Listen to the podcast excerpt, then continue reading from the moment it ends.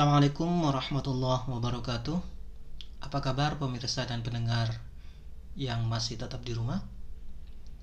Mudah-mudahan kita semua selalu dijaga kesehatannya oleh Allah dan kita semua selalu diberi rahmat dan hidayah dari Allah Subhanahu wa taala.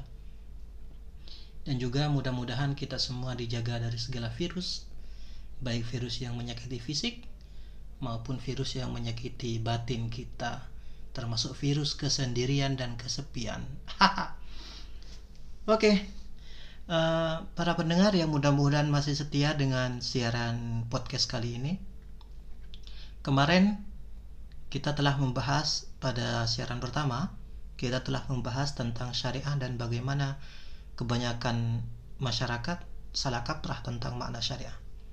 Kali ini kita akan masuk pada pembahasan tentang usul fikih serta kaitannya dengan fikih. Oke, terma pertama kita tentang usul fikih. Dalam mendefinisikan usul fikih, para ulama ini terbagi menjadi dua kalangan. Ada yang melihat usul fikih sebagai sebuah rangkaian kata dari mudhaf dan mudhaf ilaih. Usul mudhaf, fikih mudhaf ilaih. Ini kalangan pertama. Kalangan kedua adalah kalangan yang tidak lagi melihat kata usul fikih sebagai susunan mudhaf mudhaf ilaih, tapi sudah melihat kata usul fikih sebagai satu nama kesatuan. Suatu nama untuk suatu cabang keilmuan dalam rumpun-rumpun ilmu Islam. Nah, dengan sudut pandang yang berbeda itu, mereka pun akhirnya berbeda dalam mendefinisikan usul fikih. Kalangan pertama yang melihatnya sebagai uh, susunan mudhaf mudhaf ilaih mendefinisikannya sesuai dengan apa makna mudhafnya, apa makna mudhaf ilaihnya. Sementara kalang kedua yang melihatnya sebagai satu nama untuk suatu rumpun untuk suatu rumpun ilmu, tidak lagi melihat dia melihat kata usul fikih sebagai susunan mudhaf mudhaf ilaih. Nah, kalangan pertama mendefinisikan usul fikih melihat dari makna usul. Apa makna usul? Usul itu adalah jamak dari aslun. Yang mana kata aslun sendiri maknanya adalah dasar, asas pondasi. Aslul jidar berarti pondasi tembok. Aslul dar berarti pondasi bangunan. Aslul syajarah akar dari suatu pohon. Itu makna aslun. Sementara makna fikih sendiri akan kita bahas uh, di akhir sesi ini. Sehingga kalangan pertama berpendapat bahwa makna atau definisi dari usul fikih adalah dasar-dasar fikih. Pertanyaannya sekarang, dasar-dasar fikih itu apa? Apa yang menjadi landasan atau apa yang menjadi dasar terhadap pembentukan fikih? Oleh karenanya kemudian ulama memberikan definisi bahwa usul fikih usul fikih itu adalah dalil-dalil fikih. Karena fikih berasal dari dalil. Oleh karenanya dalil itu adalah usulnya, usul fikihnya, dasarnya, akarnya, landasannya agar fikih muncul ya harus dari dalil. Namun, dalil-dalil fikih ini bukanlah dalil yang bersifat parsial atau bukan dalil yang langsung merujuk tentang suatu kasus, bukan. Tapi yang dimaksud dengan usul fikih adalah dalil-dalil fikih yang global, yang ijmal. Sehingga didefinisikan bahwa usul fikih itu adalah dalailul fikhi al-ijmaliyatu. Dalil-dalil fikih yang ijmali. Apa makna ijmali? Banyak kalangan memaknai ijmali dengan global. Padahal kata global sendiri adalah berasal dari bahasa Inggris yang maknanya adalah bumi. Jadi global membumi. Sehingga tidak cocok kalau kita terjemah dalailul fikih al-ijmaliyah itu dengan dalil fikih global. Maknanya nanti menjadi dalil fikih yang membumi. Ya ijmali biarkan saja bermakna ijmali. Lalu apa ini maksud dengan ijmali? Nah, untuk memahami apa yang dimaksud dengan ijmali, kita harus memahami padanan atau lawan katanya. Lawan kata dari ijmali adalah tafsili. Apa itu dalil tafsili? Dalil tafsili adalah dalil yang membahas tentang suatu kasus secara tertentu. Misal, dalil atau ayat atau hadis yang membahas tentang tata cara sholat. Aqimus sholah misalnya ini adalah dalil tafsili. Kenapa disebut dalil tafsili? Karena dia adalah suatu dalil yang membahas tentang sholat saja. Atuz zakah. juga dalil tafsili. Kenapa disebut dalil tafsili? Karena dia hanya membahas tentang zakat, tidak membahas tentang hal-hal lain. Itulah kenapa disebut tafsili. Nah, sekarang dalil ijmali apa? Dalil ijmali adalah dalil yang menaungi beberapa dalil-dalil tafsili tadi. Kita coba perhatikan contoh dua ayat tadi. Aqimus shalah dan atuz zakah. Aqimus shalah dan atuz zakah sama-sama dalil tafsili seandainya kita uh, satukan mereka dalam satu naungan, kira-kira akan berada dalam naungan apa mereka berdua itu, Hakimus Sholat dan Atuz Zakah? Tidak lain, keduanya berada dalam naungan sama-sama amar. Sehingga yang disebut dengan dalil ijmali adalah al-amru, amar, perintah. Kalau begitu, usul fikih itu adalah dalil-dalil fikih yang ijmali seperti al-amru tentang suatu perintah, tentang suatu larangan, tentang mutlak, tentang kias, tentang am. Itu semua disebut dengan dalil ijmali. Kenapa disebut dalil ijmali? Karena di bawah al-amru ada al-amru tentang sholat, ada amru zakah, ada amru siam, dan seterusnya. Di bawah naungan an-nahyu misalnya, larangan, ada larangan zina, ada larangan pencurian, ada larangan menyakiti saudaranya, dan seterusnya. Oleh karenanya al-amru an-nahyu disebut dengan dalil ijmali. Ini definisi yang diutarakan oleh As-Subki dalam Jum'ul Jawami. Sementara Syekh Zakaria Al-Ansari dalam kitabnya Ghayatul Usul tidak mencukupkan definisi usul fikih dengan dalil-dalil fikih ijmali, tapi dia menambahkan, dia mengatakan bahwa usul fikih itu adalah adillatul fikhi al-ijmaliyah wa turuq istifadati juz'iyatiha wa halu mustafidiha. Jadi usul fikih itu adalah dalil-dalil fikih jumali juga merupakan metode untuk meramu hukum-hukum dari dalil-dalil tafsili serta karakteristik atau syarat-syarat untuk menjadi mujtahid. Intinya, menurut Zakaria Al-Ansari, usul fikih ini memiliki tiga komponen, Komponen pertama tentang dalil ijmali, komponen kedua tentang metode bagaimana menggunakan dalil ijmali itu dan menerapkannya pada dalil juz'i atau dalil tafsili. Yang ketiga adalah uh, apa saja syarat-syarat untuk menjadi mujtahid dan kriterianya. Ini definisi menurut kalangan pertama. As-Subki ataupun Zakaria Al-Ansari masuk dalam kategori kalangan pertama di mana mereka mendefinisikan usul fikih dengan melihat bahwa usul dan fikih adalah rangkaian mudhaf dan mudhaf ilaih. Sementara kalangan yang lain, terutama dari kalangan Hanafiyah, Malikiyah, dan Hanabila, melihat kata usul fikih sebagai suatu nama, sehingga mereka mendefinisikan usul fikih sebagai sekumpulan kaedah-kaedah yang bisa digunakan untuk istimbatul ahkam. Jadi kalangan Hanafiyah, Malikiyah, dan Hanabila memandang usul fikih sebagai sekumpulan kaedah-kaedah di mana dengan kaidah-kaidah itu sang mujtahid bisa menghasilkan fikih, bisa menggunakannya untuk menghasilkan fikih. Inilah definisi kalangan kedua. Jadi kalangan kedua tidak lagi memandang apa usul, apa fikih tidak, tetapi memandang usul fikih sebagai satu kesatuan, satu nama.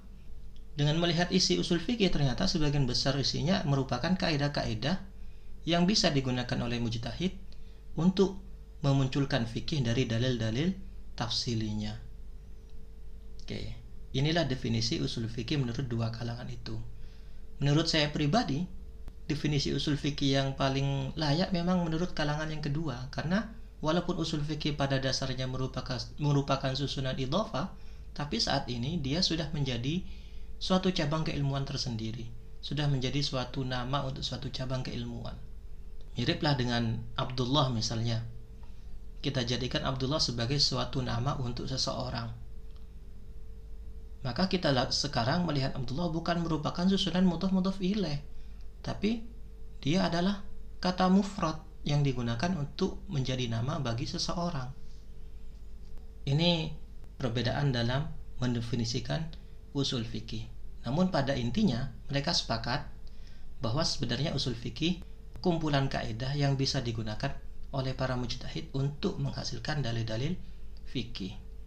Walaupun kalangan pertama mendefinisikan usul fikih dengan dalil-dalil, tapi mereka toh pada akhirnya dari dalil-dalil itu kemudian diramu menjadi kaedah yang bisa digunakan oleh mujtahid. Nah, kedua sekarang tentang apa itu fikih. Sebagaimana kita paparkan pada pertemuan sebelumnya, fikih itu adalah ma'rifatul ahkam syar'iyyah al-amaliyah allati tariquha al-ijtihad.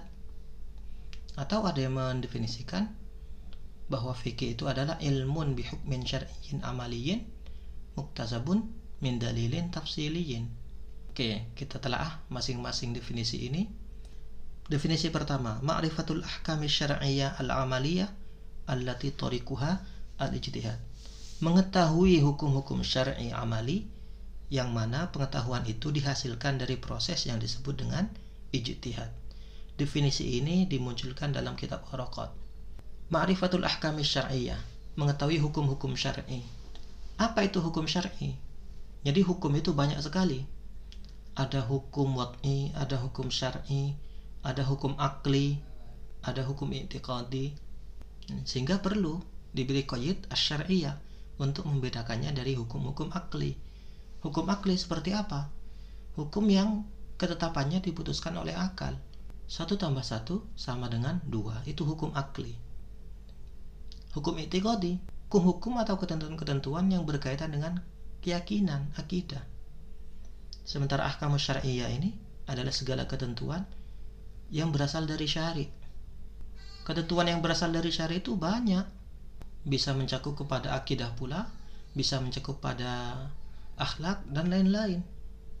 Oleh karenanya kemudian perlu diberi koid lagi al-amaliyah, yakni hukum syar'i yang menelisik atau yang e, berkaitan dengan tindak tanduk atau perilaku mukallaf. Jadi fikih isinya adalah pengetahuan tentang hukum syar'i yang berkaitan dengan tindak tanduk mukallaf. Bagaimana dia berjalan, bagaimana si mukallaf ini makan, bagaimana mukallaf ini menikah dan seterusnya. Namun ternyata segala tindak tanduk mukallaf ini hukum yang melekat pada segala tindak tanduk mukallaf ada yang dihasilkan dari ijtihad, ada yang dihasilkan tanpa perlu ijtihad. Misal, seseorang kalau sudah masuk Islam tanpa perlu nalar dan ijtihad dan belajar lebih lama, dia pasti tahu bahwa sholat itu wajib. Berarti kewajiban sholat ini adalah pengetahuan tentang ahkam syariah alamaliyah tapi pengetahuan ini kan tidak dihasilkan dari proses ijtihad. Cukup masuk Islam saja dia pasti tahu bahwa sholat wajib. Maka pengetahuan tentang kewajiban sholat bukan fikih. Kenapa kok bukan fikih? Karena dia diketahui bukan dari proses ijtihad. Itulah yang disebut dengan maklumun minad dini bid Cukup masuk agama Islam, dia pasti tahu tentang hukumnya. Cukup masuk Islam, dia tahu bahwa zina itu haram. Cukup masuk Islam dia tahu bahwa mencuri itu haram. Jadi pengetahuan bahwa hukum mencuri haram bahwa hukum berzina haram bahwa zakat itu wajib itu semua bukan fikih. Kenapa? Karena dia tidak dihasilkan dari proses ijtihad lalu hukum seperti apa yang disebut fikih yakni hukum yang dihasilkan dari proses ijtihad Oke, kita sekarang beralih kepada apa yang disebut ijtihad. Ijtihad itu didefinisikan oleh Zakaria Al-Ansari dalam Ghayatul Usul dengan redaksi badlul wus'i litahsili dhanni bil hukmi. Badlul wus'i mengerahkan segala daya dan upaya litahsili dhanni untuk menghasilkan suatu dugaan kuat. Untuk menghasilkan suatu dugaan kuat tentang adanya hukum bisa disimpulkan bahwa ijtihad itu adalah proses bernalar dengan total yang mana hasil akhirnya adalah adanya dugaan tentang suatu hukum. Dengan bahasa lain, hasil dari proses ijtihad pasti berupa dugaan. Artinya dugaan apa? Artinya dugaan dia memang benar tapi berkemungkinan salah. Itulah dugaan. Karena dia mungkin benar mungkin salah, maka kita tidak bisa memastikan bahwa hasil ijtihad itu pasti benar-benar memang benar. Toh walaupun mujtahidnya sangat kokoh mempertahankan pendapatnya, masih ada kemungkinan dia salah. Oleh karenanya Imam Syafi'i berkata, "Qauli shawab yahtamilul khata wa qaulu ghairihi khata yahtamilus sawab. Pendapatku memang benar, tapi berkemungkinan salah. Sementara pendapat orang lain salah, tapi ada kemungkinan pendapat orang lain itulah yang benar. Oke, coba kita kembali kepada definisi fikih. Kalau fikih memang pengetahuan hukum syar'i amali yang dihasilkan dari proses ijtihad, itu artinya fikih pasti bersifat zanni. Apa maknanya zanni? Mungkin benar, mungkin salah. Karena proses ijtihad pasti hasilnya hasil akhirnya adalah zanni. Fikih sebagai hasil akhir dari ijtihad juga bersifat zanni mungkin benar, mungkin salah. Oleh karenanya, hukum-hukum fikih ini banyak versi. Tak mungkin yang disebut fikih ada satu pendapat, pasti banyak pendapat. Itulah fikih. Kenapa kok banyak pendapat? Ya karena sifatnya zonni, mungkin benar, mungkin salah. Dan dari saking banyaknya mujtahid, akhirnya banyak pula pendapat. Ten men, ten mind. Sepuluh orang ada 10 pikiran yang berbeda ada 10 mujtahid maka ada kemungkinan 10 pendapat yang berbeda nah yang sedang ramai di media sosial adalah tentang sholat Jumat sholat itu wajib atau tidak kewajiban sholat adalah fikih cukup masuk agama Islam semua tahu bahwa harus sholat Jumat harus melaksanakan sholat. Tapi sholat Jumat itu wajib atau tidak itu fikih. Sholat jamaah. Sholat jamaah juga fikih. Apakah dia wajib atau tidak? Banyak pendapat. Oke lah kalau jamaah memang sudah masyhur bahwa ada sebagian yang mengatakan jamaah tidak wajib. Sholat jumat.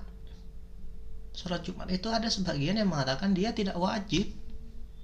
Kenapa kok begitu ya karena dalil yang menjelaskan tentang kewajiban sholat jumat adalah dalil yang tidak tegas Selain itu, bagi kalangan Syafi'iyah misalnya, yang mengatakan bahwa sholat Jumat itu wajib, yang mengatakan bahwa sholat Jumat itu wajib, mereka juga berbeda pendapat. Bagaimana cara melaksanakan sholat Jumat? Ada yang mengatakan cukup 12 orang. Ada yang mengatakan harus 13 karena salah satunya imam. Namun pendapat dalam Syafi'iyah yang masyhur dikenal oleh masyarakat adalah pendapat yang mengatakan bahwa sholat Jumat harus 40 orang. Sementara kalangan yang mengatakan bahwa sholat Jumat cukup satu orang imam dan satu orang makmum, pokoknya disebut jamaah, itu kurang terkenal di telinga masyarakat. Padahal ada yang berpendapat begitu. Dan yang berpendapat begitu bukan orang kacang-kacang, bukan orang sembarangan, mereka juga seorang mujtahid. Yang mana kalau kita kembali pada definisi fikih, karena itu adalah berupa fikih, maka walaupun pendapatnya agak nyeleneh, berkemungkinan benar. Walaupun pendapat yang 40 orang Jumat itu harus 40 orang itu adalah pendapat yang masyur, berkemungkinan salah.